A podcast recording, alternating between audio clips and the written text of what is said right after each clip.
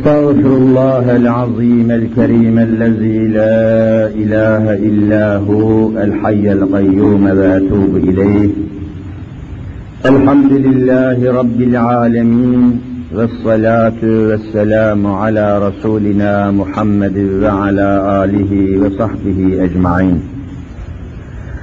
أعوذ بالله من الشيطان الرجيم. بسم الله الرحمن الرحيم. رب اشرح لي صدري ويسر لي أمري.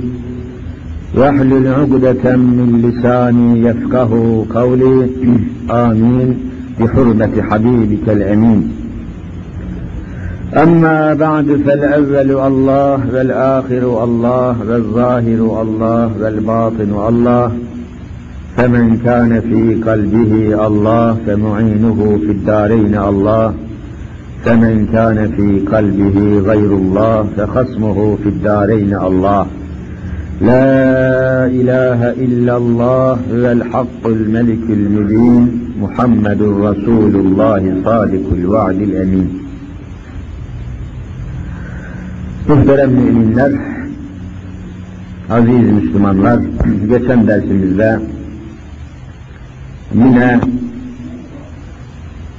gündemde olan ve bir türlü günümüzün gündeminden, günümüzün meselelerinden hali bulunmayan ve ister istemez inananları, düşünenleri çok yakından ilgilendiren dinsizlik akımlarının, hareketlerinin temel sebeplerini temel sebeplerini mümkün mertebe özetleyerek, hülasa ederek izah etmeye devam etmiştik. Gün geçmiyor ki meydana gelen hadiseler, ortaya çıkan türlü felaketler, rezaletler bu mevzuyu, bu konuyu yakından ilgilendirmeye, yakından alakadar etmeye devam etmemiş olsun.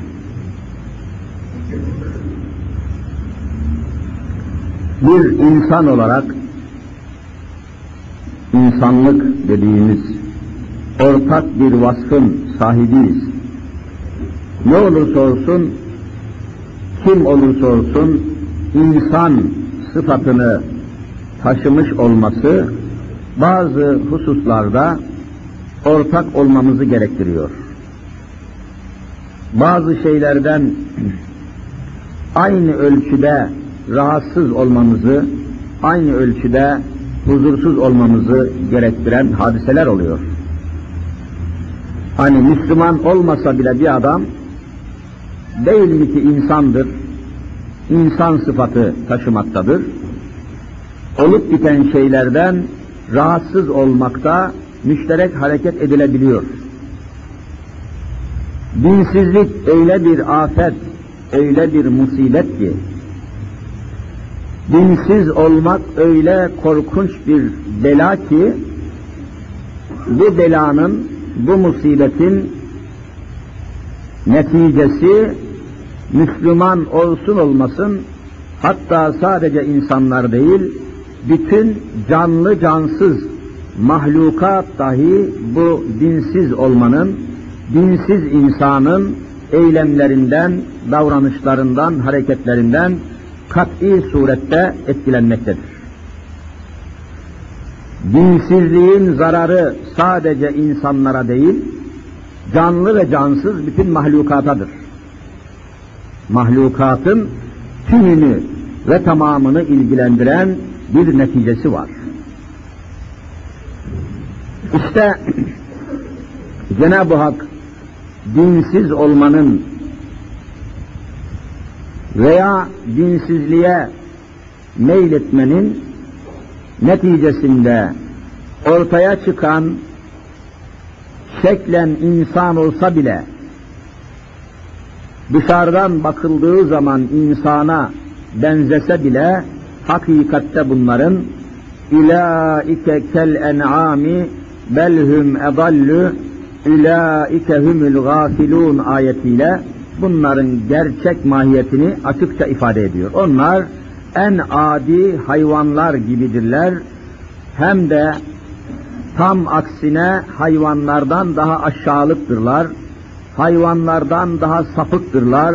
Hayvanlardan daha tehlikelidirler. Hayvanlardan daha belalıdırlar. İlaike humul gafilun onlar gafletin içinde olanlardır. İşin aslından haberi olmayanlardır. Araştırdım tefsir kitaplarını. Gafil olmaktan maksat nedir? Gafletten kastedilen mana nedir? Onu da yine Kur'an bir başka ayetiyle izah ediyor. Aynen şu ifade bu ayet-i ilahiyeyi tamamlıyor. Rabbimiz bu dinsizleri, dinsiz dediğimiz insanları, ateist dediğimiz insanları tanımlarken, tarif ederken şöyle bir ayet-i ilahiye ile bize tanıtıyor. يَعْلَمُونَ ظَاهِرًا مِنَ الْحَيَاةِ الدُّنْيَا Bakınız. يَعْلَمُونَ ظَاهِرًا مِنَ الْحَيَاةِ الدُّنْيَا وَهُمْ عَنِ الْآخِرَةِ هُمْ غَافِلُونَ Sadakallahül azim.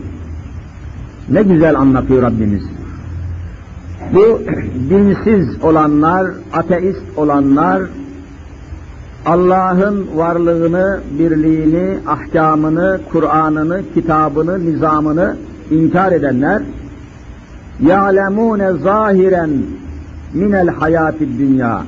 Dünya hayatının sadece zahirini, dış görünüşünü, dışarıdan görünüşünü biliyorlar. Sadece gördükleri şeyler göz planında olan, dışarıdan görülebilen, sadece dünya hayatından ibaret olan alemi görmektedirler. Bildikleri şey bu alemden ibarettir.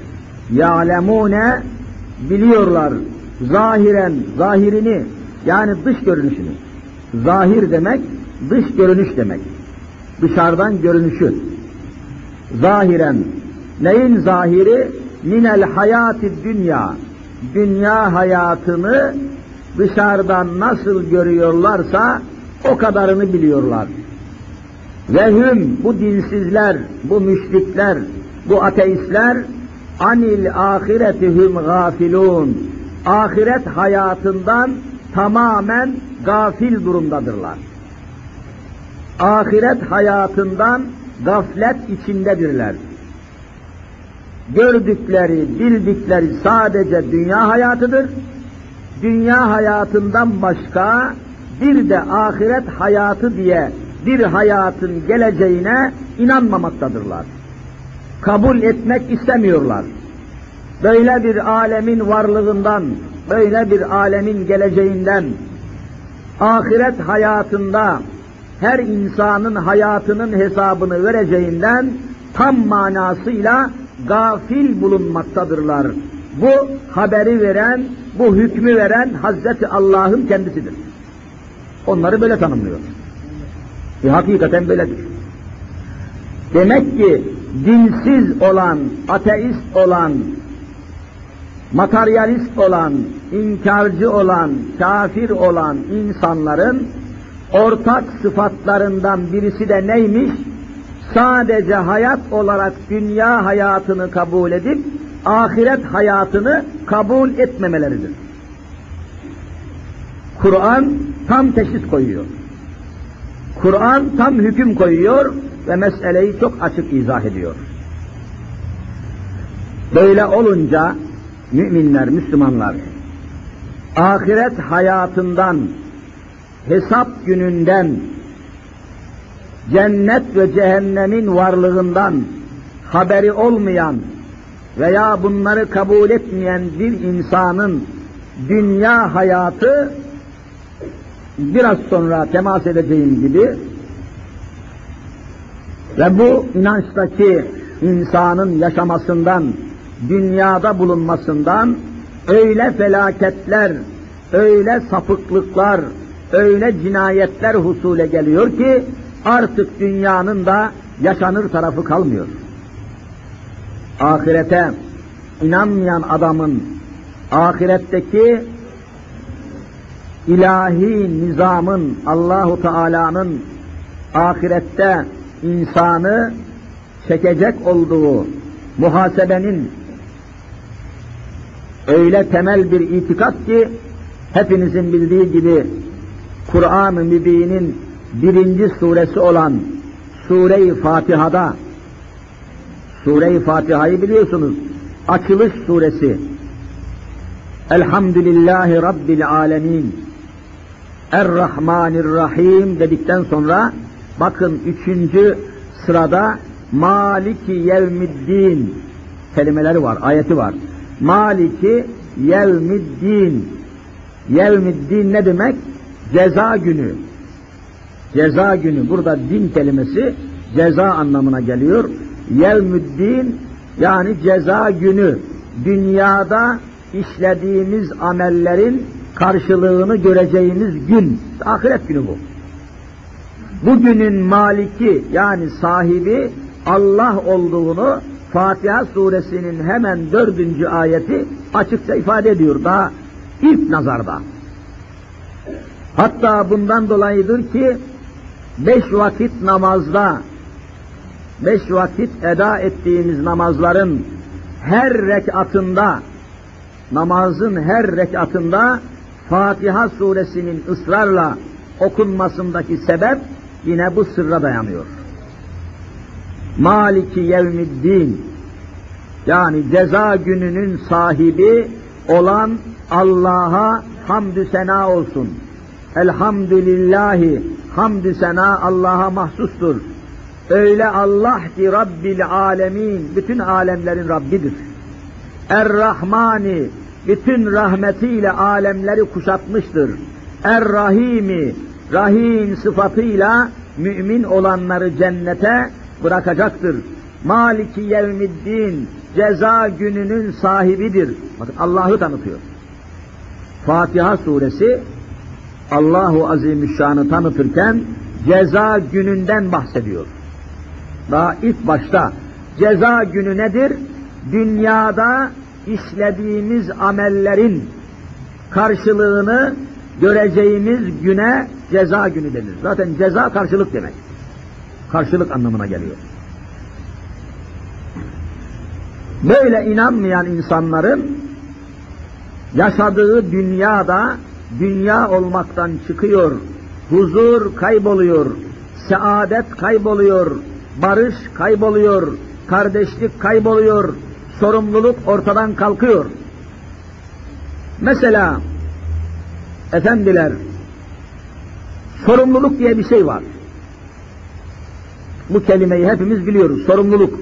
Arapçası mesuliyet. Mesuliyet. Kur'an-ı Kerim buna şu şekilde temas ediyor. Ve la tekfu ma leyse leke bihi ilim. İnne sem'a vel basara vel fuade küllü ulaike kâne anhu mes'ûlâ. Ey Müslümanlar! Üzerinize düşmeyen işin, seni alakadar etmeyen işin peşine düşme. Hakkında ilim sahibi olduğun, olmadığın, hakkında yeteri kadar bilgi sahibi olmadığın şeyin peşine düşme. Rastgele konuşma, rastgele hareket etme, aklına eseni yapma. Bakın ayet-i kerime ne kadar ikaz ediyor. Hesap yapmadan bir işe girme, düşünmeden bir işe başlama. Niçin? İnne sem'a, şu kulaklar, Arapça semi' işitmek demek yani kulak. Vel basara, şu iki tane göz. Vel fuade, kalp dediğimiz, gönül dediğimiz dil cümle organlar küllü ülaike bunların tamamı küllisi kâne anhu mes'ûlâ yaptıklarından dolayı mesuliyet içindedirler. Allah sizi organlarınızın nerede çalıştırdığınızdan, gözünüzü nerede kullandınız, kulağınızı nerede kullandınız, elinizi ayağınızı nerede kullandınız, kalbinizi nerede kullandınız, organlarınızdan Allah sizi sorumlu tutacaktır. Küllü ülaike kâne anhu mes'ûlâ. Bakın. Mes'ûlâ. Mesulsünüz. E peki ahiret olmasaydı bakın Müslümanlar ahiret olmasaydı ateistlerin ve dinsizlerin inanmadıkları gibi ahiret olmasaydı ahiretin olmadığını hesap gününün olmadığını kabul ettiğiniz takdirde mesuliyet duygusunun katması lazım. Sorumluluk diye bir şey kalmaz. Sorumluluk. Kime karşı sorumluyuz biz evvela? Müslümanların itikadına göre evvela biz Allah'a karşı sorumluyuz. Ondan sonra devlete, hükümete, amire, memura karşı. Ama hepsinin üstünde Allah var. Bir Müslüman halifeden önce, emiril mümininden önce, hatta peygamberden de önce kime karşı sorumludur siz söyleyin? Allah'a karşı sorumludur. Niye? Çünkü Allah kimdir? Maliki yevmiddin. Ceza gününün sahibidir Allah. Ceza günü var. O gün olmasaydı sorumluluk olmayacaktı. Hesap günü olmasaydı sorumluluk hissi de olmayacaktı. Demek ki bir insanı sorumlu tutabilmek için o insanın ahirete inanması şart mı değil mi? Şart. Ahirete inanmayan bir adamı bir işin başına getirirseniz o da o işi işin altına girip üstünden çıksa, o işin bütün ırzına tecavüz etse, o işi rezil rüsva etse bu adamı sorumlu tutmak mümkün mü değil mi? Mümkün değildir. Evvela bu adam Allah'a karşı sorumluluk hissi taşımıyor. Evvela ahiret gününe iman ve itikad etmiyor. Her şey böyledir. Allah'a ve ahiret gününe o kadar mühim bir mevzu ki bu. Hesap gününe inanmayan insanın yeryüzünde barışa, insanlığa, huzura, saadete yardımcı olması mümkün değildir. Mümkün değildir. Hesap gününe, ahiret gününe inanmayan adamın dürüst olması, namuslu olması, şerefli olması asla mümkün değildir. Bir inşaat mühendisi, bir inşaat müteahhidi, devlet ihalesini kazanan bir müteahhit ahirete inanmıyorsa, hesap gününe inanmıyorsa, yaptığım işlerin hesabını Allah'a vereceğim diye iman etmiyorsa, o inşaatın demirini, çakılını, çimentosunu niçin çalmasın? Onu engelleyecek ne vardır? Niçin hırsızlık etmesin? Niçin yalan söylemesin? Nasıl olmasa ahiret yok, hesap günü yok. Bu adamı frenleyecek ne vardır? Bakın mesele nereden kaynaklanıyor? İşte Türkiye Cumhuriyeti'nin yönetiminde meydana gelen gerek belediye, mahalli yönetimlerde, gerekse genel yönetimlerde, milletvekillerinden, devlet bakanlarından, belediye başkanlarına kadar adeta ayyuka çıkan suistimallerin, rüşvetlerin, yağmaların, yolsuzlukların, hayasızlıkların, namussuzlukların, şerefsizliklerin bir tek sebebi var. Allah ve ahirete inanan nesil idarenin başında değil, Allah'a ve ahirete inanmayan kimseler idarenin başındadır. Vallahi sebep budur. Böyle inanmıyorsanız Müslüman değilsiniz. Yoksa canlı mahlukatın yeryüzünde en çok muhtaç olduğu su dediğimiz sular idaresi, suyu idareli kullanmanın, su idaresinin başına getirilen bir adamın içine düştüğü felakete bakın.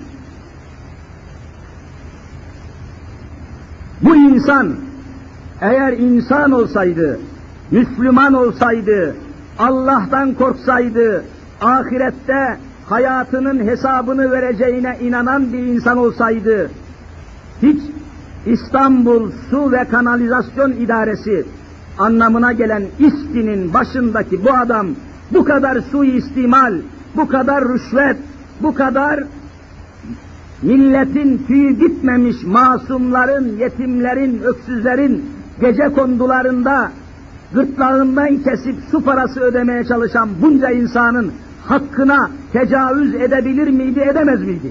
Edemezdi. Allah'a inansaydı edemezdi. O halde bunun da tabii bir tek sebebi var. Bir tek sebebi var. İdare, Türkiye Cumhuriyeti yönetimi, devleti ve idaresi biliyorsunuz laikliği benimsemiş olmak suretiyle ortada bulunuyor. Laikliği benimsemek demek Allah'ın yaratıcı olduğunu kabul edip devlet idaresine, memleket idaresine, belediye idaresine Allah'ın hükümlerini karıştırmamak. Allah yaratıcı olacak ama Allah yönetime karışmayacak. Laikliğin manası, özü, özeti, izahı budur. Allah olacak, Allah yaratıcı olacak fakat yarattıklarına, insanların yönetimine, insanların eğitimine, insanların denetimine Allah karıştırılmayacak. Bunun izahı bu. E Allah karıştırılmazsa bir işe, bir idareye, bir belediye teşkilatına, sular idaresine, elektrik idaresine, kömür idaresine, devlet demir yollarına, sair teşkilatlara Allah'ın hükümleri karışmazsa, işte bakın meydana gelen yolsuzluktan adeta bütün millet inim inim inlemekte, haysiyet ve şerefler ayaklar altında çiğnenmektedir. Allah karışmazsa, Allah'ın kitabını karıştırmazsanız, Allah'ın ahkamını karıştırmazsanız, rahmeten lil alemin olan Muhammed Mustafa'yı karıştırmazsanız, işte idareniz böyle olur. İşte böyle olur. Hale bakın Allah aşkına. Hale bakın. Trilyonlarca para nereye gittiği belli değil.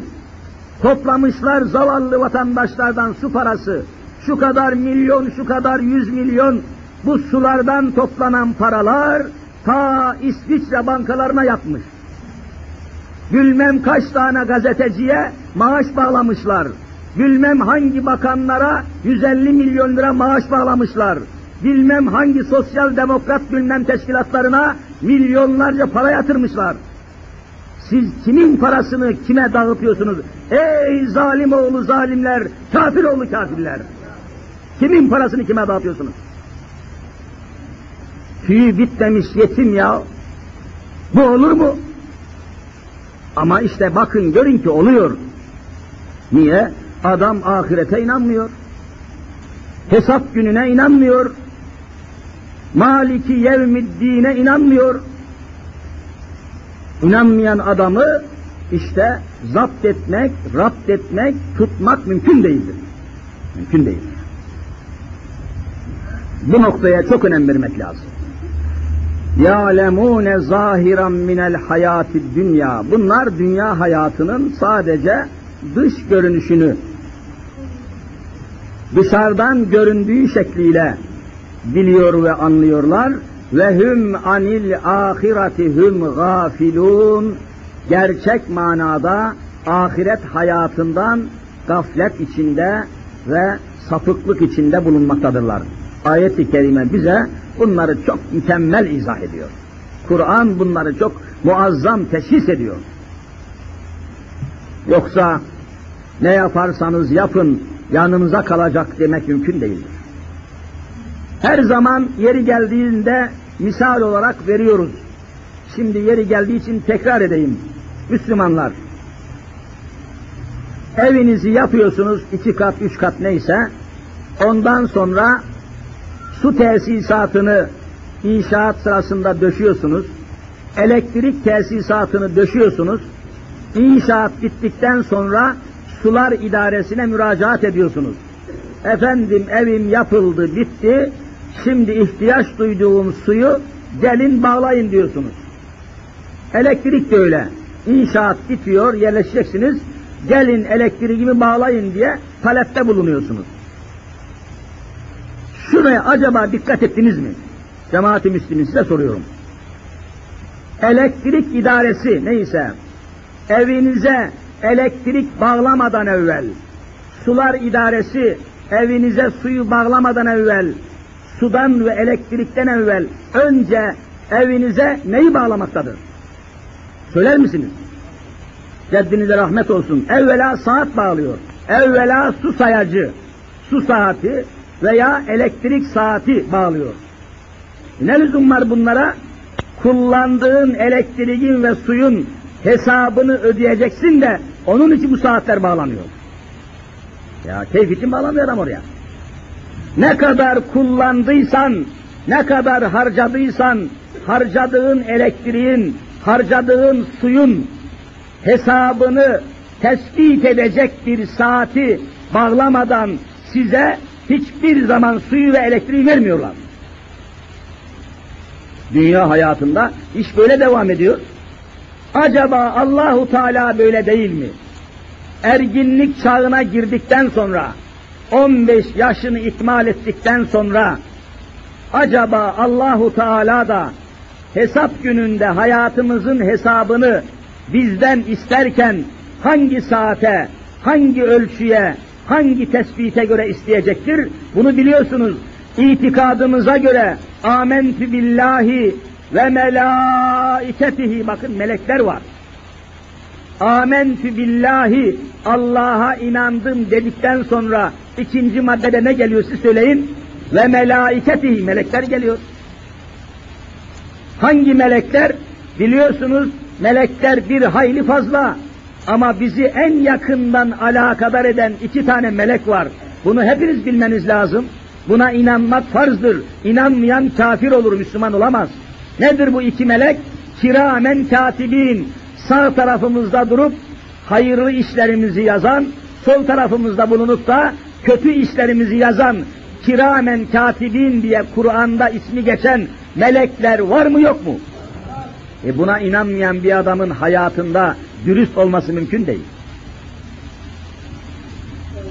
Ya okullarda amentü bütün teferruatıyla okutulmazsa, idarenin başına gelen adamların imanı, İslam'ı mükemmel olmazsa, iman ve İslam açısından yeterli olmazlarsa, itikatları bozuk olursa, vicdanları bozuk olursa, işte sular idaresi de bozuk olur, meydana gelen kanalizasyondan patlayan koku bütün Türkiye'yi sarar. Adeta 10 milyonluk İstanbul'un altındaki kanalizasyonun tamamı patlasaydı böyle pislik kokmazdı. Ama işte pislik evvela nereden başlıyor? İnsanların vicdanından başlıyor. Vicdanlara Allah'ın nizamı hakim olmadıkça o ülkede hayatı tanzim etmek mümkün değildir. Hangi teşkilata bu türlü adamlar sokarsanız sokun, kokutur ve çürütür. İşte ihalelerdeki yolsuzlukları, rüşvetleri görüyorsunuz. Tüneller, metrolar, kanallar, köprüler, çalışmalar hepsi bakın kapalı kapılar ardında insanlar Allah'ı ile baş başa kalarak bir de iş yaptığı adamlardan başka kimse bilmiyor. Bu sular idaresinin başındaki musibetin, bu rüşvetin, bu yolsuzluğun, bu yağmanın, bu olup biten rezaletlerin eğer karısı tarafından açıklanmasaydı 60 milyon Türk insanının kulağı duymayacak, hiçbir şeyden haber olmayacak.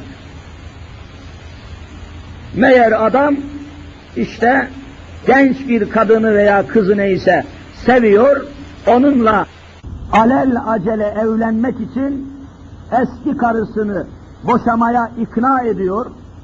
Boşansın, boşandıktan sonra da konuşmasın diye 12 milyar para ödüyor. 450 tane cumhuriyet altını ödüyor. Bilmem hangi binayı hediye ediyor.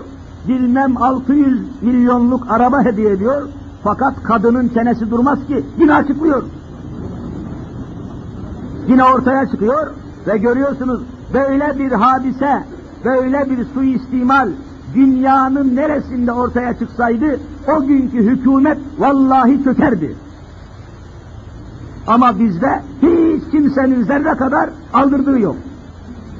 Hiç kimse tınmıyor, hiç kimse aldırış etmiyor. Korkunç.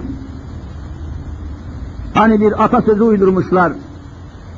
Nehiri geçerken at değiştirilmez, rüşvet alırken avrat değiştirilmez. Tam rüşvet alacağı sırada adam karıyı değiştirir mi aptal? İşte böyle meydana çıkar. Ama demek ki tüyü gitmemiş yetimler var. Bu milletin içinde demek ki hala masum insanlar var. Bu milletin içinde demek ki hala mazlum insanlar var. Ahı olanlar var, günahı olanlar var. Ezilenler var, ağlayanlar var, inleyenler var, sabaha kadar gözyaşı dökenler var. Kimsenin yanına kalmayacak. Daha dünyadayken rezil oluyorlar. Bırak ahirete kalmayı da daha dünyadayken rezil rüsvay oluyorlar. İşte bütün bunları bir Müslüman insan düşündüğü zaman Kur'an'ın açıkladığı gibi bu kimselerin Allah'a ve ahiret gününe, hesap gününe inanmadıklarını açıkça göreceksiniz. Allah bizim dünyamıza, işimize, gücümüze karışmasın diyen layık insanlar olduklarını açıkça göreceksiniz. Şimdi memleketin bu servetini toplanan vergileri sular idaresinde nasıl yağma ettiklerini, nasıl heder ettiklerini, nasıl telef ettiklerini tespit ettikten sonra bu işin başındaki adamları toplayın.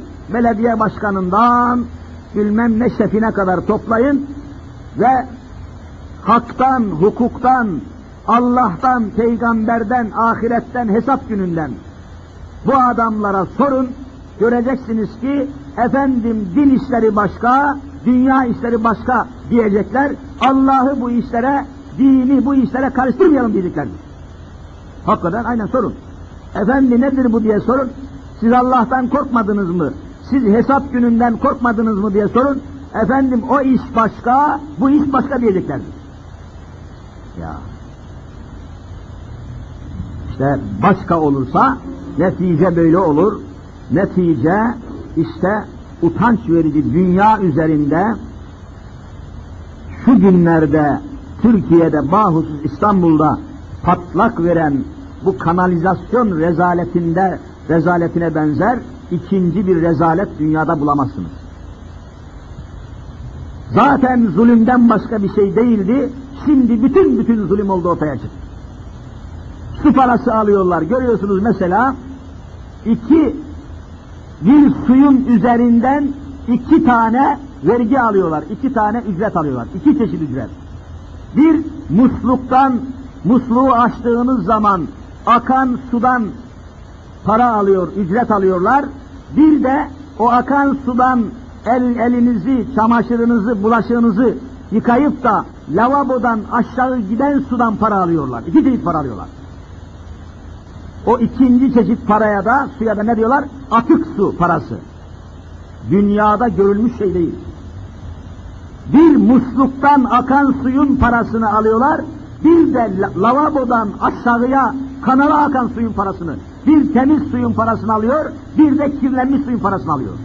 İki çeşit para. Ve kimse hesap soramıyor. Hayret. Hayret. Kimse belediye başkanından, devlet başkanından, hükümet başkanından vallahi ve billahi hesap soramıyor. Ve buna da utanmadan demokrasi diyorlar. Demokrasilerde her vatandaş verdiği verginin hesabını istediği anda öğrenebilecek, istediği anda devlet başkanını ve hükümet başkanını hesaba çekmesini bilecektir. Hani nerede? Nerede efendim? Bunun adına ne demokrasi denir, ne teokrasi denir, ne efendim bürokrasi de hiçbir şey denmez, rezalet denir. Mümkün değil. Demek ki bütün bunların sebebi dinsiz olmanın, imansız olmanın, ateist olmanın ve tek kelimeyle ahirete ve hesap gününe inanmamış olmanın neticesidir. Müslümanlar bu tespitte ve bu teşhiste beraber miyiz değil miyiz? Mesele bitmiştir. Bunu yaygınlaştırmak lazım. Yeniden bir nesil üretmek lazım. İnanmayan nesillere, iman etmeyen şahıslara, Allah ve ahirete iman etmeyen ellere ve gönüllere memleketi teslim etmemek lazım. Madem ki bunu böyle anlıyor insanlar, evvela bir insanın imanını, ahlakını araştırmadan hiçbir şeyine değer vermemek lazım. Çünkü hepsinin önemi, hepsinin hareket istikameti imandır. İmanı olmayan bir adam ne olursa olsun imanı Allah'a, ahirete, hesap gününe itikadı olmayan bir adam insan kılığında bile olsa o manen hayvandır, canavardır. Ondan merhamet bekleyemezsiniz. Ondan muhabbet bekleyemezsiniz. Ondan adalet bekleyemezsiniz. Ondan fazilet bekleyemezsiniz. Ondan fedakarlık bekleyemezsiniz. Bir kere burada ittifak etmek lazım. Sadece insanların haklarını değil, hiçbir mahlukun hakkını bekleyemezsiniz. Allah'a ve ahiret gününe inanmayan bir adam, eşyanın da hukukunu koruyamaz. Maddenin de hukukunu koruyamaz. Hiçbir varlığın da hukukunu koruyamaz. Birbirine karıştırır. Birbiriyle kapıştırır, karıştırır. Nefsine, keyfine, zevkine kurban eder.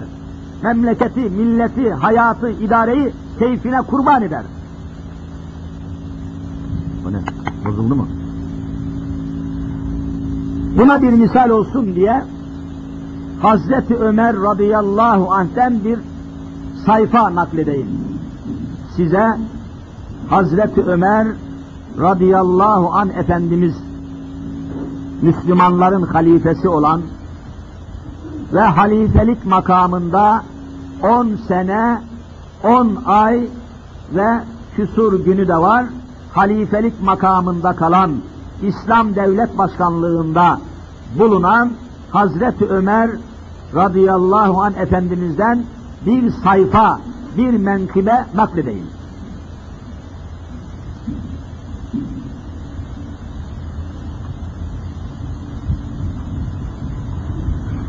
Biliyorsunuz mesuliyet duygusu dersin başında arz etmiştim. Mesuliyet duygusu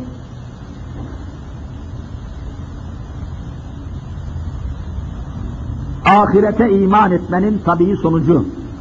Ahirete inanmayan bir adamın mesuliyet taşıması mümkün değildir demiştim. Hazreti Ömer'de ve sair sahabelerde hepsi öyle de ama Hazreti Ömer daha çok flaş olmuş, görünmüş, ortaya çıkmış. Hepsi öyle. O kadar mesuliyet duygusu hakim ki, o kadar Allah'tan korkuyor ki, o kadar hesap gününden çekiniyor ki, hayatının tamamı bu endişeyle döşenmiş Hazreti Ömer'in. Allah benden sorar endişesi Hazreti Ömer'in bütün hayatına hakim. Allah benden sorar amenna.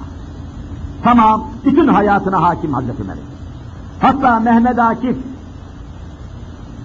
hani İslam şairi Mehmet Akif rahmetullahi aleyh bir beytinde aynen öyle ifade ediyor. Çoğunuz da zannediyorum biliyorsunuz, duydunuz. Bu duyguyu, mesuliyet duygusunu çok hassas bir şekilde şöyle ifade ediyor. Kenarı Dicle'de bir kurt aşırsa bir koyunu, gelir de adli ilahi sorar Ömer'den onu. Kenar Dicle, Dicle dediği bir nehir malum.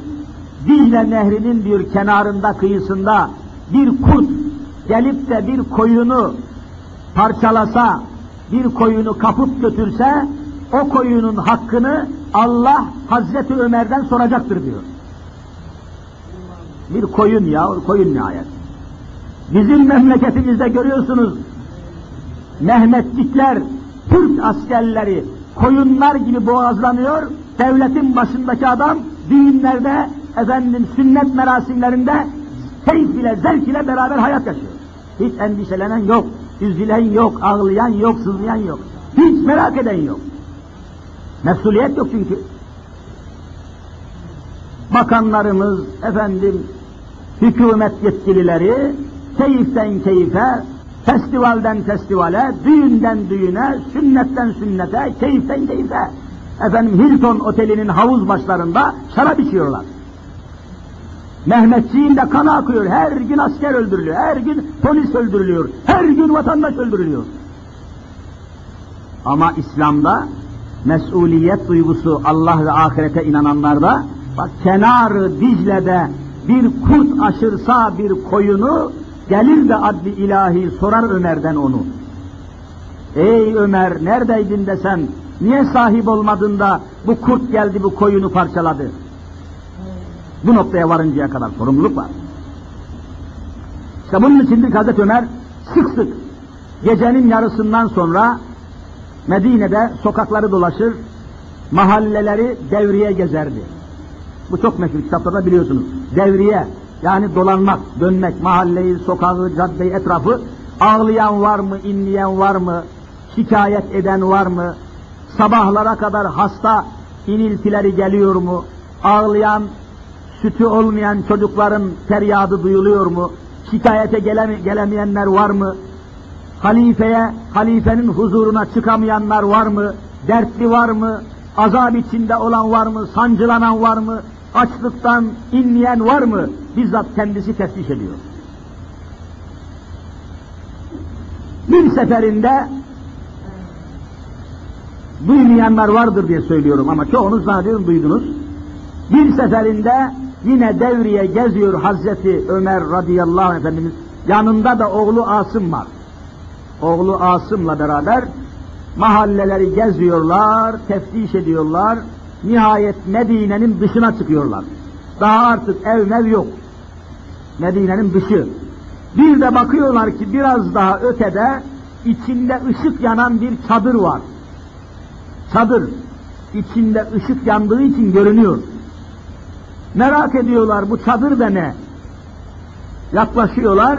Bir de bakıyorlar ki içeriden konuşma sesleri geliyor. Yaşlı bir kadının sesiyle genç bir kız çocuğunun sesi geliyor. Daha da merak ediyorlar. Çadırın içine girmeden kenardan dinliyorlar. Halife bu. Yaşlı kadın diyor ki, yavrum diyor, evladım, kızım,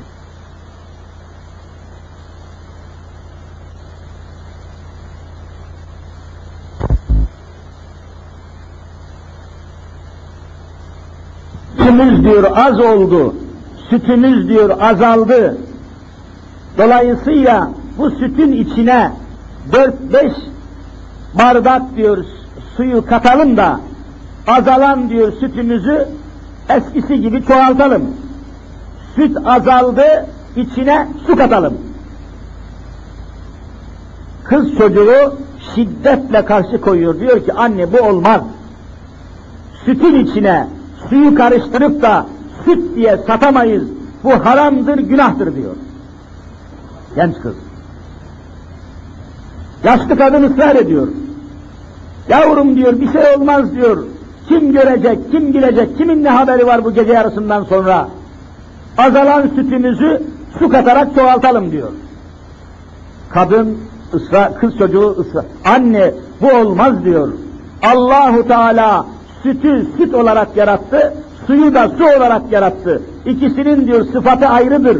Birbirine karıştırıp süt diye satarsam Allah'ın nizamını değiştirmiş olurum diyor.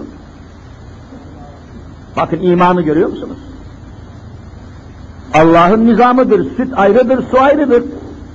Sütün içine suyu katıp da süt diye sattın mı Allah'ın nizamını inkar ettin. Ne kadar güzel. Bu sefer yaşlı kadın kızıyor. Sen benim dediğimi yap diyor. Kimden çekiniyorsun diyor. Halifeden çekiniyorsan diyor. Kim bilir halife Ömer nerede diyor horul horul uyuyor diyor. Ne haber olacak? Bu sefer kız çocuğu annesinden daha şiddetli sesini yükselterek anne anne diyor. Biz belki bizim bu halimizi halife Ömer görmüyor ama bizi Allah görmüyor mu? Bizi Allah duymuyor mu diyor. Sen ne biçim Allah'a inandın diyor.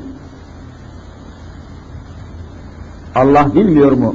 Ve huve bi kulli şeyin alim. Allah'ın sıfatı. Ve huve semi'ul alim. Ve huvel basirul habir. Bakın Allah Allah görür, Allah bilir. Allah'ın haberi olmadık bir şey yoktur. Demek ki bütün arıza imanda farkında mısınız? Bütün arıza imanda. Bu konuşmayı duyar duymaz Hazreti Ömer duygulanıyor bu kız çocuğunun bu izahına, bu isyanına, bu karşı koymasına hayran oluyor. Çadırın bir kenarından kaldırıp içeriye giriyorlar ve kendilerini tanıtıyorlar. O kızı tebrik ve takdir ediyorlar. O yaşlı kadını da Hazreti Ömer cezalandırıyor. Yaşlı kadını cezalandırıyor, o genç kızı mükafatlandırıyor. Nasıl mükafatlandırıyor? Derhal oğlu Asım'a gelin olarak onu evine alıyor. İman etmiş bir kız çünkü. İman etmiş. Burada da görüldüğü Müslümanlar görüyor musunuz? Eğer Allah'a ve ahiret gününe inanmasaydı o kız çocuğu, o sütün içine katılan su, süt diye satılacak mıydı, satılmayacak mıydı? Bakın demek ki Allah'a ve ahirete iman etmek, suyun da hakkını koruyor, sütün de hakkını koruyor. Hukukun korunması için evvela hakları yaratan Allah'a iman etmek lazım. Çünkü hakları ve mahlukatı yaratan Cenab-ı Hak'tır. Mesuliyeti mucittir. İnsanları hayatından sorumlu tutmuştur. Ne yaparsanız yapınız, sizi hesaba çekeceğim buyurmaktadır. Hatta Sure-i Yasin'de biliyorsunuz, hesap gününde Cenab-ı Hakk'ın nasıl şahitler kullanacağını dahi beyan ediyor. Mahkemede biliyorsunuz şahitler dinlenir. Şahitler dinlenir. Sure-i Yasin'i çok iyi okuyanlar bilir. Şu ayeti hemen arz ediyorum. El yevme nahtimu ala effahihim ve tükellimuna eydihim ve teşhedü ercülühüm ile ahiril ayet. Ne diyor Rabbimiz bu Sure-i Yasin'de? El yevme, yevmi hesapta, yani hesap gününde, nahtimu ala effahihim, icap ederse insanların ağzını mühürleyeceğiz. Ağız kapanacak ve tükellimüna eydihim, o amirlerin, memurların, genel müdürlerin, müsteşarların, devlet bakanlarının, kalem sahiplerinin, imza yetkisi bulunan kişilerin elleri konuşacak ve tükellimina eydihim elleri kelam edecek. El konuşacak. Ve teşhedü şahitlik edecek ercülühüm ayakları. Bakın ayaklar tabiri var. Erriclü Arapça ayak demek. Ercül ayaklar. Suçluların ayakları şahitlik edecek. Elleri ifade verecek. Eller ve tükellimüna kelam edecek, söyleyecek eydihim elleri. Hiç unutmam bir sohbette bu ayeti kerimeyi misal olarak vermiştim de mühendislerden birisi itiraz etti. Ya hocam dedi her şey neyse de adamın dedi eli konuşur mu dedi ya saçma sapan geliyor bana dedi. Bir mühendis, üniversite mezunu bir kardeşimiz. El konuşur mu dedi ya. Elin dedi beyni yok, elin dedi aklı yok, elin dedi iradesi yok, şu, şuursuz bir el konuşur mu?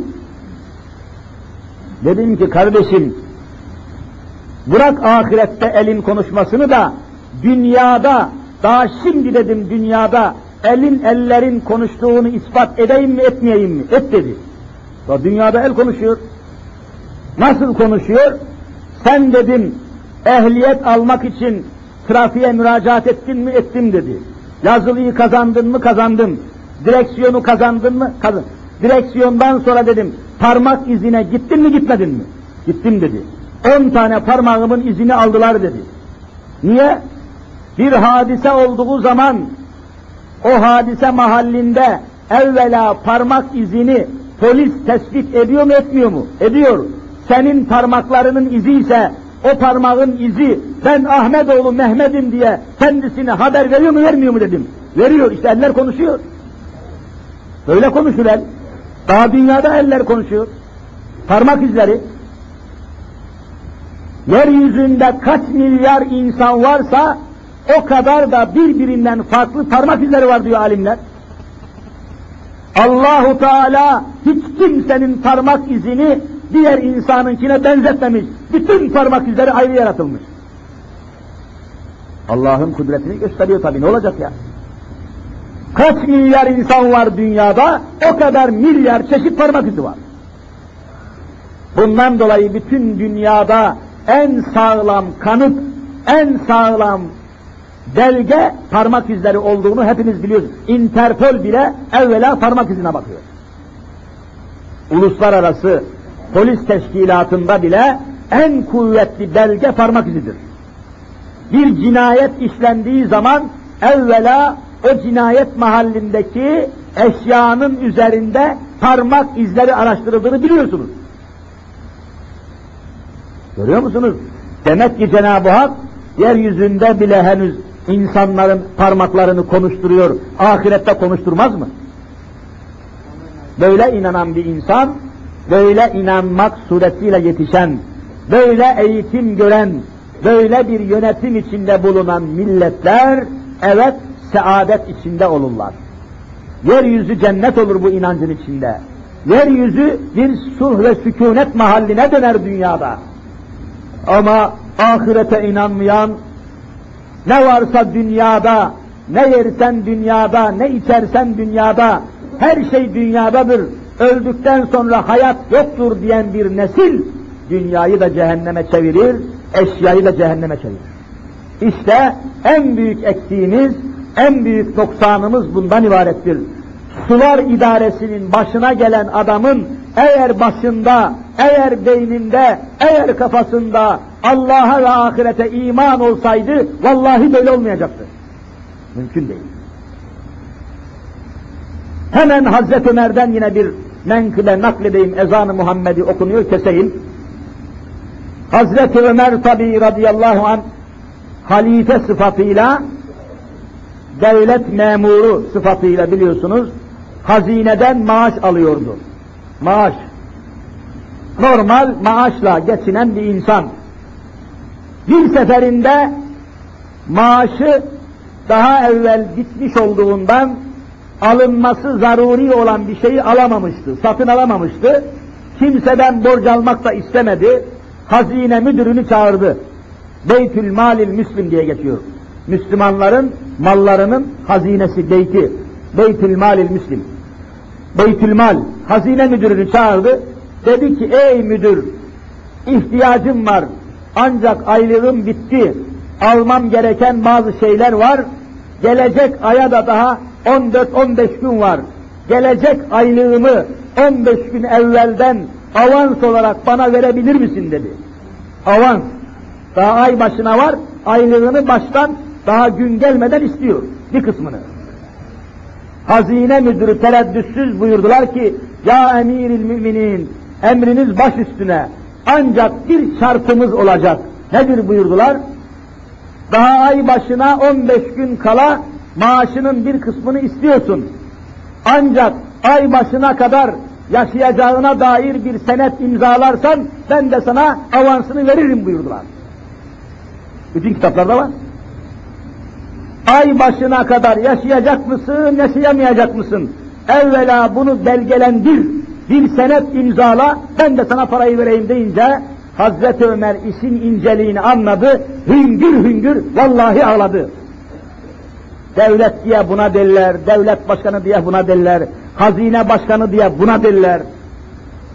Taharetlenmesini bilmeyen, affedersin, idare ettiği suyla avret yerini yıkamasını bilmeyenler su genel müdürü olursa böyle olur memleket işte.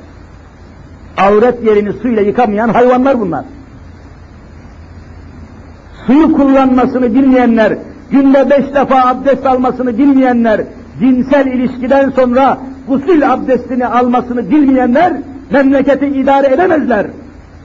Ederlerse böyle olur işte. Allahu Teala cümlemizi ikaz eylesin inşallah. Haftaya bu konuyu daha açık belgelerle Allah nasip ederse devam ettireceğiz. Yalnız kardeşlerim sizden bir ricamız olacak.